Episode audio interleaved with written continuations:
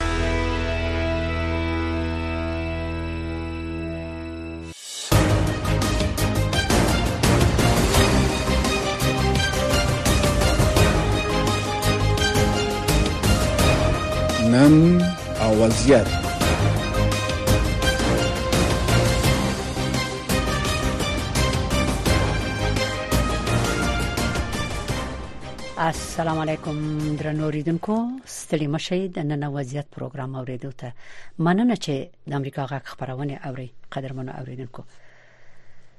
درنو اوریدونکو نن خو موضوع دا ده چې تاسو به خبر یې او راپورټ مو هم لوستي وي ځکه چې نشر شوی دی د افغانستان د بیا رغونې لپاره د امریکا د متحده ایالاتو د سرمفتش دفتر چې سیګاری بولی د ملګرو ملتونو د بشري حقوقو د مؤسسو د معلوماتو لمخې ویل دي چې د اقتصادي فشارونو د زیاتېدو لامل په افغانستان کې د جنکو جبري ودونه او همداشان په کوچنیتوب کې د ودونو په شمیر کې زیاتوالی راغلی دی سیګار د ملګرو ملتونو د یو رپورت په اساس ویلي دي چې په افغانستان کې خزي او جنکۍ په کوچنیتوب کې ودیږي په کورونو کې ورسره تشدد کیږي استثمار او جنسي سوء استفادې دي او د مش... دغه خبرو او یا دغه عواملو خزه ته مشکلات پیښ کړي دي خبره دا ده چې دا ستونزې نه نه نه دي دا ستونزې نوې نه دي خو د جمهوریت نظام په وخت کې یو قانون موجودو د جنکو د ودونو د لپاره عمر ټاکل شوی وو په کوچنی توپ کې د جنکو ودونه او جبري ودونه منع و قانونا مګر کارپوهان په دې نظر دي چې یوازې قانون په ځینو وختونو کې کافی نه د قانون عملی کول همیش ډیر مهم دي نو څنګه کې دي چې د افغانستان په اوسنی وضعیت کې دغه مشکل سره مبارزه وشي چې جنکې په خام عمر کې واده نشي په جبر او زور چاته په نکاح نشي او د مجبوریت لمخې چې هغه اقتصادي وي یا نور په چا باندې خرڅ نشي یعنی مقصد مې دا دی چې انساني حقوقو ته درناوی وشي قانونا په کور کې او همداشان په ټولنه کې منګه په دې مسلې باندې د بحث د پاره د سیاسي او کلتوري چارو کارپو توریاله زازه صاحب را بلل د خبرونه ته نو وګورم چې زازه صاحب زماغه غوري نه زازه صاحب محترم ستړی مشه په خیر راغلی اوریګه ستړی مشه زازه صاحب سلام علیکم نړۍ مننه ډېر قدرمنه اغلی خادم صاحب ستاسو له بلنې څخه هم مننه کوم خواهش کوم ستاسو د راتګ مننه کوم چې د ټولو کارپوهانو او متخصصینو مسلکی کسانو چې د امریکا غږ په بلنې دلته راځي او خپل نظریات او تحلیلونه بیانوي یعنی هم د خپل ټولنې حق ادا کوي او هم زمونږ پروګرام چلیږي پام دی تاسو غوندي کسانو باندې نو د سیګار د دفتر راپور خو به تاسو لوستي وي په دې راپور کې د سر اغلي د زازه صاحب چې وایي چې د اټکل لمخې هغه د ملګرو ملتونو د خزو د ادارې د اټکل لمخې وایي اتلس اشاریه او فیصد جنکی د اتلس کلنۍ نه مخکې ود شي دي او 9% نور د 15 کلنۍ نه مخکې واده شوی دي و سوال دا دی چې جبري ودونه هم شته دا خو یو بل مسله ده او اقتصادي فشارونه هم دي ته څه فکر کې د دې مشکل حل شته ستاسو په نظر ځکه دا نه نه مشکل نه دی او کوي ستاسو په نظر څنګه به وي کدا حکومت وي آینده حکومتونه وي د څه کم غدر سره شته کم فرمول یا کوم کومه لار اول خو دغه غواړم واورم ساسې نه ځکه چې د افغانستان په ولایتونو کې تاسو عمل ته لوی شوی گزاره مو کړی د قوم پیژنې خلک پیژنې د اسلامیت او افغانیت په اساس ټول خبرې تاسو ته معلومې دي مهرباني سلامونه نیکی هیلی تاسو ته قدرمن اغلی مننه ادم صاحب سکرتر سره ستاسو همکار ناست وي هغه ته او ستاسو اوریدونکو ته د آشنا رادیو ټولو خوږو همکاران ته خپل زوریدلي کړیدلي ولسته وړاندې کوم مننه زمون په وخت کې زه په یوې نظامی کورنۍ کې راوي شوم او خپلم هیو نظامی افسر وم بله د افغانستان اکثریت ولایتو کې می ژوند کړی دی واقعیت وایم چې زمونږ په وخت کې په دې ولایتونو کې کلو کې علاقه داري کې ولسوالۍ کې د افغانستان د شمال نه تر جنوب پورې او د شرق نه تر غرب پورې په خپل مرکز پایتخت کابل کې مونږ ډیر خولي دودونه رسم او رواجونه درلودل میرمنو ته ډیر سخت درناوی او درنښت موجود در شتون درلودلو ما په دې ټولو ولایتو کې هم وادونه لیدلي دي مګم خپل په ولایت کې مم لیدلي دي خپل په کلی کې یا درې کې یا ځاځیو کې وادونه مې هم لیدلي دي زموږ په وخت کې دا د ودونو مسله یو ډیر خپل کلتوري مسله و چې د هر واده په تمه په کلی کې ټول خلکو چې یو جیلې واده کېدله منتظر و چلته به د خپلوي په اساس باندې د دې چې هغه خپلوي یو کور دی بل کور سره وساتي او ورکتوب کې به وجلې دی بل الک په نوم باندې کوله مګر تر څو چې اتلس کلن شوی نو واده اجازه هیڅ چا نه ورکول دا کار په تاریخ دی افغانستان کې په هغه وخت کې نه په نه په تنا په ځای کې په ټول افغانستان کې نو تر سره شوی ولې دا ټول ولسونو د پښتنو نه نیولې تاجکو نه نیولې ازبکو ترکمنو پشیو بلوچو هزارو دا څه قومونه چې په افغانستان کې وو دوی د دې خيخي په ارتباط باندې یوې بلې کورنۍ ته ډېر سخت درناوی درلودلو او خيخي همیشه په خوښۍ سره کېدله مګر متاسفانه او بدبختانه چې د دغو اسلامي سیاسي سوداګرو په راتګ سره چې د بهرنیو هیوادو ملاتړ ورسره و، دوی په افغانستان کې واک ته ورسیدل او دوی د دغه واک څخه زموږ په هیواد کې ډیرې ناروا ګټې تر پورته کړلې او د شرعیت پر خلاف باندې د افغان نستان د ټولو اقوامو د دودونو رسم و رواجونو پر خلاف باندې عمل تر سره کړل چې دا د ټولنې کې د چاته د منلو وړ نه دي مثلا زه به یو وړوکی مثال بخنه غواړم راوړم چې مهرباني زمونږ کلی کې زمونږ په ځاځي کې به چې کله چا وخیخي کوله نو هغه کور ته به ورا خلک ورغلل دوه واري درې واري ته څو میاشتې تر څو بچي هغه جلۍ به یې د غالب په نامه کړله، بیا به راغلل دوی کلي ته دستمال به یې راوړلو، هغلته به ډولونه وو، اتڼونه به کېدل، بیا کله به چې د واده وخت وو او واده کې به مثلا د هلک د کور نه مېر جینکې او مېرمنې هغه کور ته تللې د نکریزو شپه وه، نارینه او تره زامن، ترور زامن، ماما زامن او نږدې خپلوان به هملته تلل، د ډولونه وطنونه به کول هغه ته د دې کلی د خلکو له خوانه و په تیګو په سکرو وشتل کېدل نو دا یو زازا صاحب محترم او به خیر چې خبره نیسم یعنی تاسو مقصد دا دی چې هغه وخت د جلې رضایت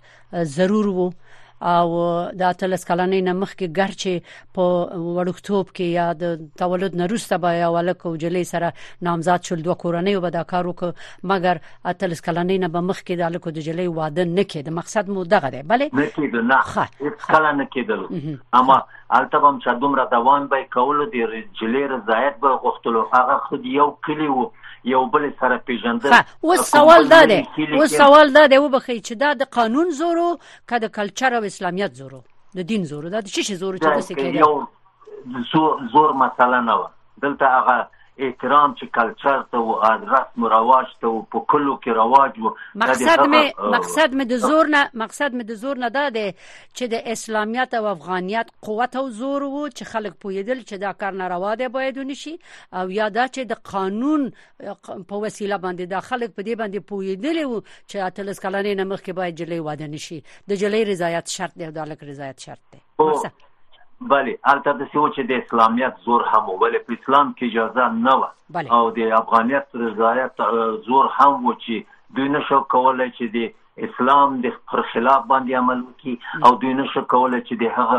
کلی یا ولسوالۍ له قدرې ولایت پر خلاف باندې عمل وکړي دوی خپلو کلتوري انساني او اسلامي فرح دین ته ډیر سخت درناوی لرلو هر څه چې کول د مغه د کلچور او فرهنګ په اساس او د اسلام د مقدس دین تر شرایطو لاندې هغه کار کول یعنی معنا دا شو چې افغانستان یو اسلامی ملک وو او د نظام اسلامی وو او د په اسلام کې حقوق معلوم دي د ټولنې د پاچا د رعیت د خزې د نر هر څه پکې واضح او څرګند دي نو که څوک تر سرغړونه کوي که قانون وي هغه سرغړونکو ته باید سزا ورکړل شي لکه په دې نورو مسایلو کې بله بخنه غواړم اغلی خادم صاحب که تاسو باور وکړئ بله زه خو تقریبا یو 25 کال ترتیب کال کېږي د وطن وتلم تر هغه چې زه په وطن کې ووسم چې خبرې کوم زمونږ په کلی کې زمونږ په ځاځي کې طلاق چانه پیژندل خا الته چې واده کېدلو دی او درنښت او احترام په واسطه هغه به د پاره چې او میرمنې ته کېدلو چا دا جرأت نه لرل چې او میرمنې ته سپکه خبره خود څه کټه پیش خود څه کې چې سپکه خبره ورته وکي دومره میرمنې عزت درلود چې په کلی کې به جنکه یو غړي په سر وو هغه ته وټی ته بتلل او به راوړلې دا کلی کې به چې څوک وو لاس متر به نور ته نه څنګه تشل چې د میرمنو ته سپکاوی ونشي کله به چې جلې دی او کلی نه واده شو کلی کې به مخ پټ وو ستر 15 متره ټیټړي بو چې بل کلی کې به واده شو بیرته به راتلله د خورلند نومي ورته ویل چې مخ به نه و پټ هر کور به مل مل مل مل کوله زازا سي محترم او بخی زازه صاحب محترم خبره دي نیسم یو سوال خدا دی چې ولې دغه ټول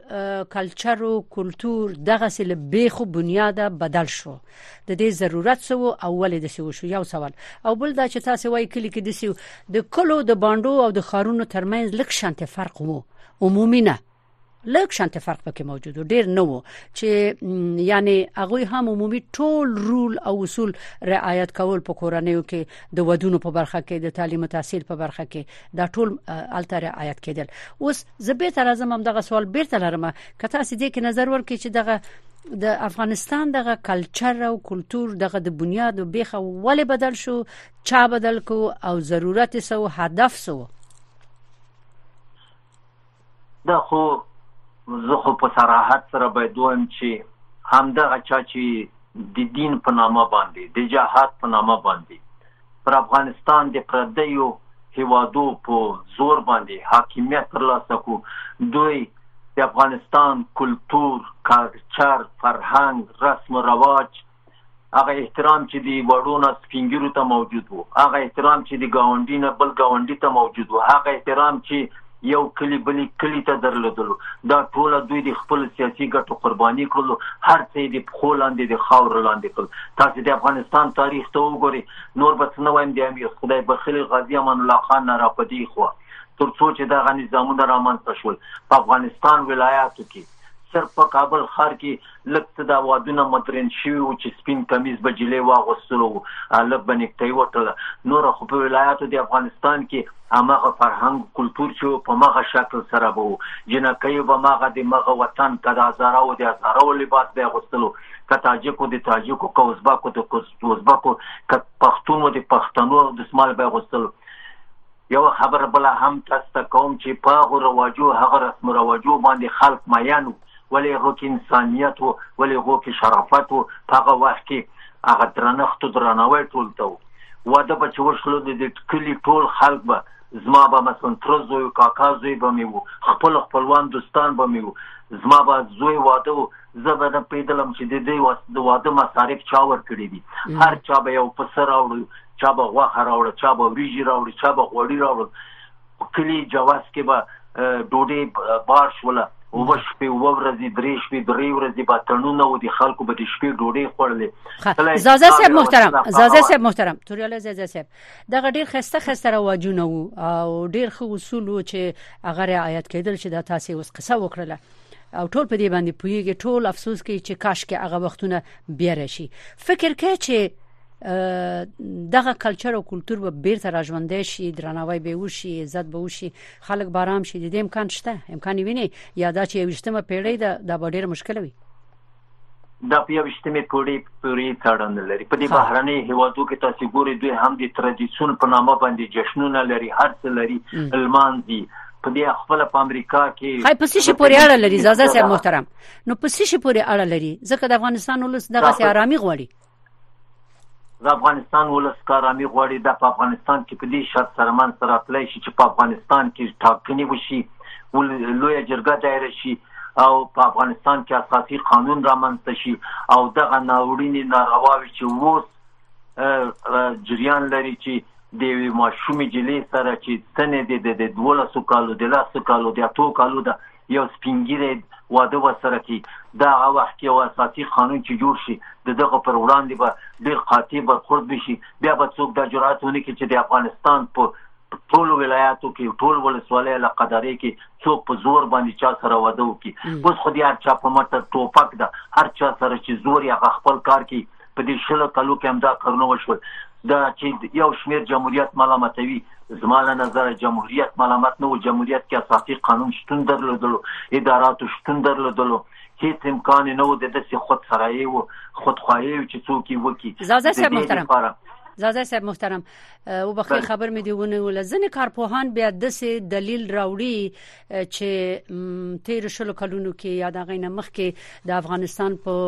ټولنه کې په کلتوري لحاظ باندې دومره بدلونونه راغلل چې زیاتره ته د تحمل وړ نه وو ازادي هم تر یو حد دومره ازادي راغله چې ډیرو ته د منلو وړ نه و نو اوس چې کم بدلون بیا راغلی دی د طالبانو په وخت کې ځنې موافق دي خو وایي چې باید په دې کې هم لږ بدلون راشي د سه اعتدالي لار ستاسو نظر باندې څه ده دا خو تړاو لري د یوې کورنۍ په روزنې پورې چې خپل اولاد څنګه ورزي دا چې یو شمیر خلو هغه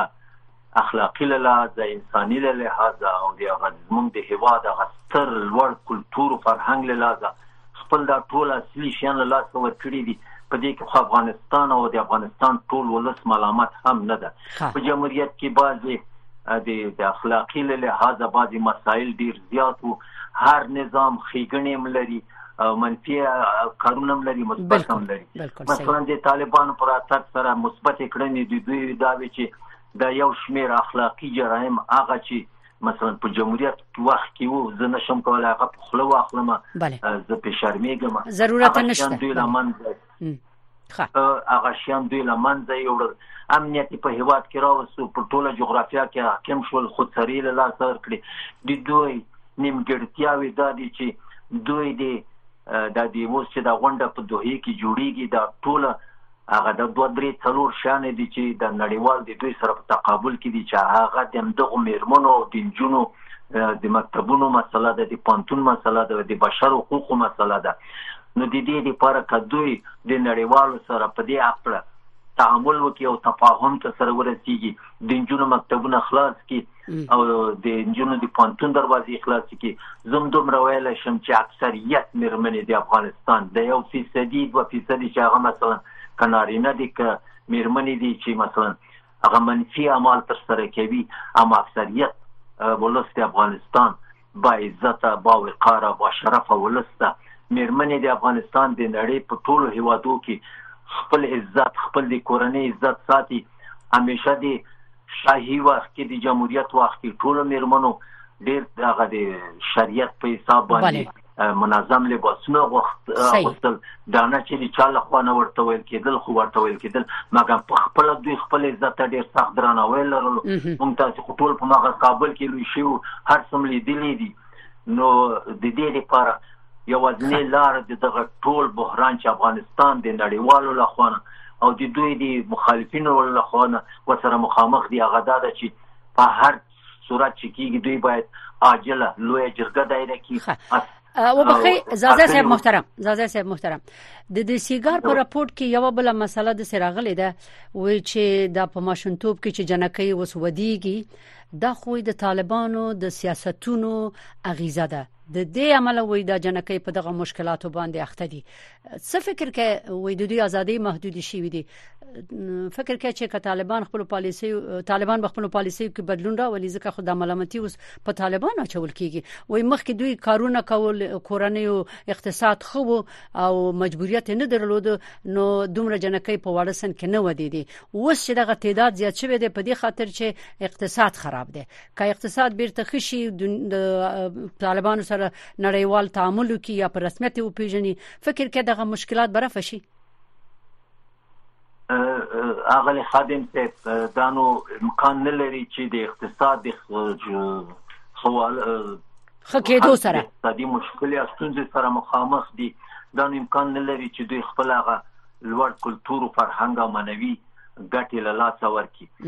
تاسو به هیڅ کتاب کې نه قران عظیم شان کې نه تورات نه انجیل نه زبور په هیڅ نور ادیانو کې تاسو به ونه ګورئ چې یو جلی چې پیدا کیږي د دې لپاره پیدا کیږي چې باید واده وکړي کالی پرېمنځي ډوډۍ پاک پخه کې کارونه وکړي هیڅ ځکه هر انسان د ژوند حق لري هم دومره چې یو نارینه حق لري یو میرمن هم حق لري دا چې وس طالبان په دې حق له دغه منفي نیو کړنو نیوکه نشي کولای دا د دوی لپاره د د رسمیت پیژندلو لپاره لویه غټه ستونزه ده که طالبان غواړي افغانستان په نړۍ په نړۍ کې او د خپل د ملت له خوانه د نړیوالو له خوانه د دوی سره تعامل وشي او تفاهم ورسره وشي هغه ناروا کړنې چې اوس په افغانستان کې جریان لري چې همدغه دي وړو ماشومان جنکې ودونه دي د دوی مخنیوي باید وکړي ملا هیبت الله فرمانونه صادروي ولې دی نشي کولای چې دا یو فرمان صادر کړي چې پس له نن ورځ نه هیڅوک حق نه لري چې د یوې جلې رضایت نه هغه سره جبري واده وشي اوس تاسو یو بد رواج په افغانستان کې شتون لري هغه دا ده چې دوه ورونو ودونه کړي دا یو ورور ورور مړکیږي په طبي مرګ یا په هر څه شي په مرګ باندې هغه مرمنې هغه ورور ته په نکاح کې ده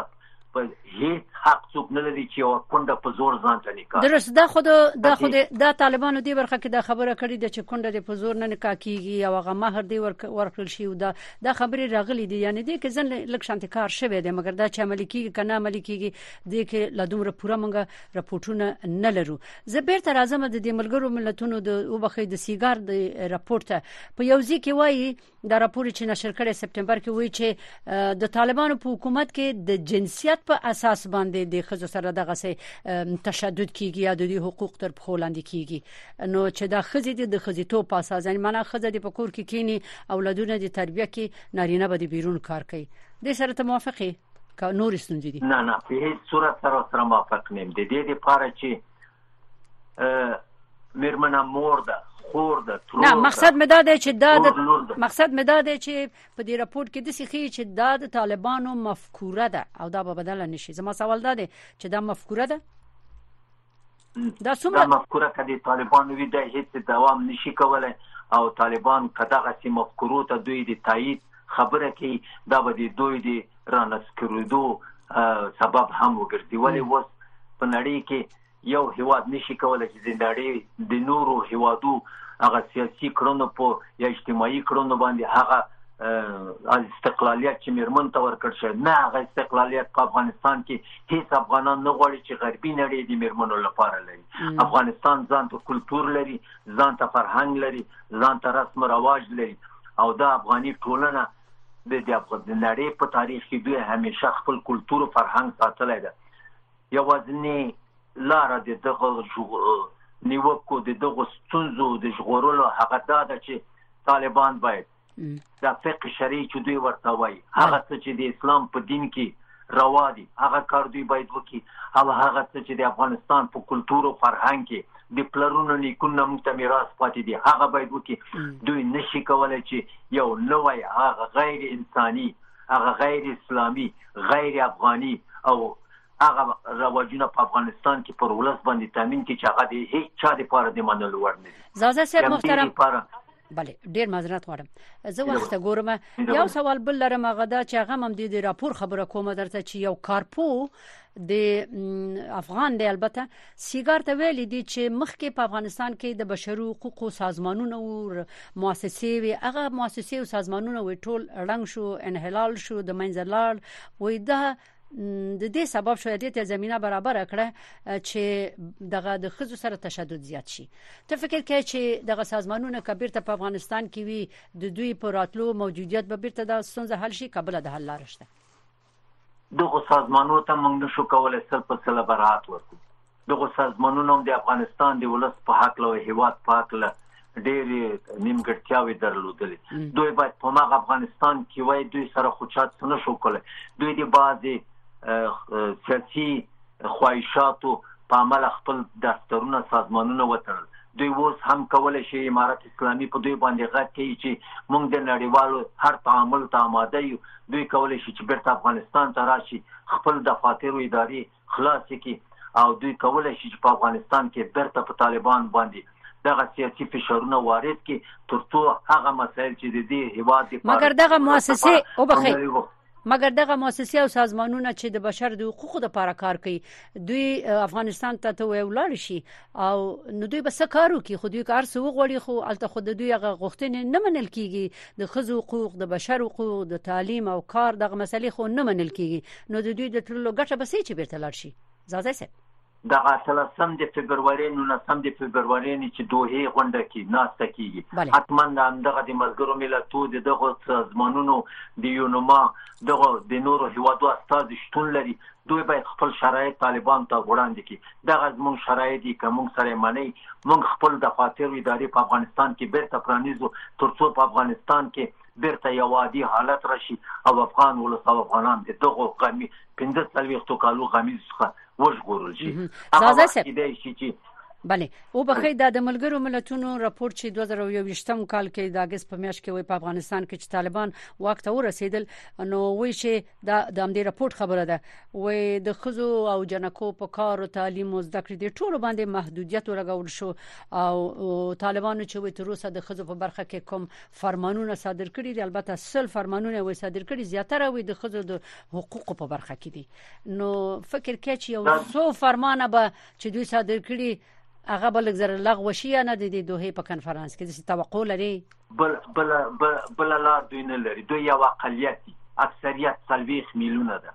دوی باید د اکثریت خبره ومني نړیوال باید هم د اکثریت غوښتنې ومني نه د اقلیت حکومتونه دې په خپل مخه اما ولسونه پاتې کیږي اوس نشي کېدلی چې د وی ډلې لپاره میرمنو ته سپکاوی یا په سپکه سترګه وکتل شي یا میرمنو ته حقوق ورنکړل شي دا یو بشري جنایت ده نه دا نه په قران کې شته نه پیغمبر د اسلام دا کار کړی نه خدای تعالی دا امر ورکړی ده نه زموږ په ټولنه کې دا مسایل وو دا د دوی خپل شخصي پریکړې دي فرمانونه دي چې د میرمنو په حق لای فکر کې جهان نړیوال ټول په یو خلو دي په دې کانفرنس کې په یو خلو غږیږي چې د خزو حقوق رعایت شي افغانستان کې هغه څه چې دا نړیوال خپل هیوادو ته خوخی هغه به بشر حقوق دیموکراسي او عدالت دوی مکلفیت لري افغانستان د دغه نړۍ یو برخه ده هغه وطني اصلاح او کله ده مجبور مکلف دي چې پر افغانستان باندې هم تامین کړي ډیره زیاته مننه تاسو نه توریاله اجازه سه چې د امریکا غږ آشنا رادیو خبرونه ترغلې د نن وضعیت پروګرام کې مو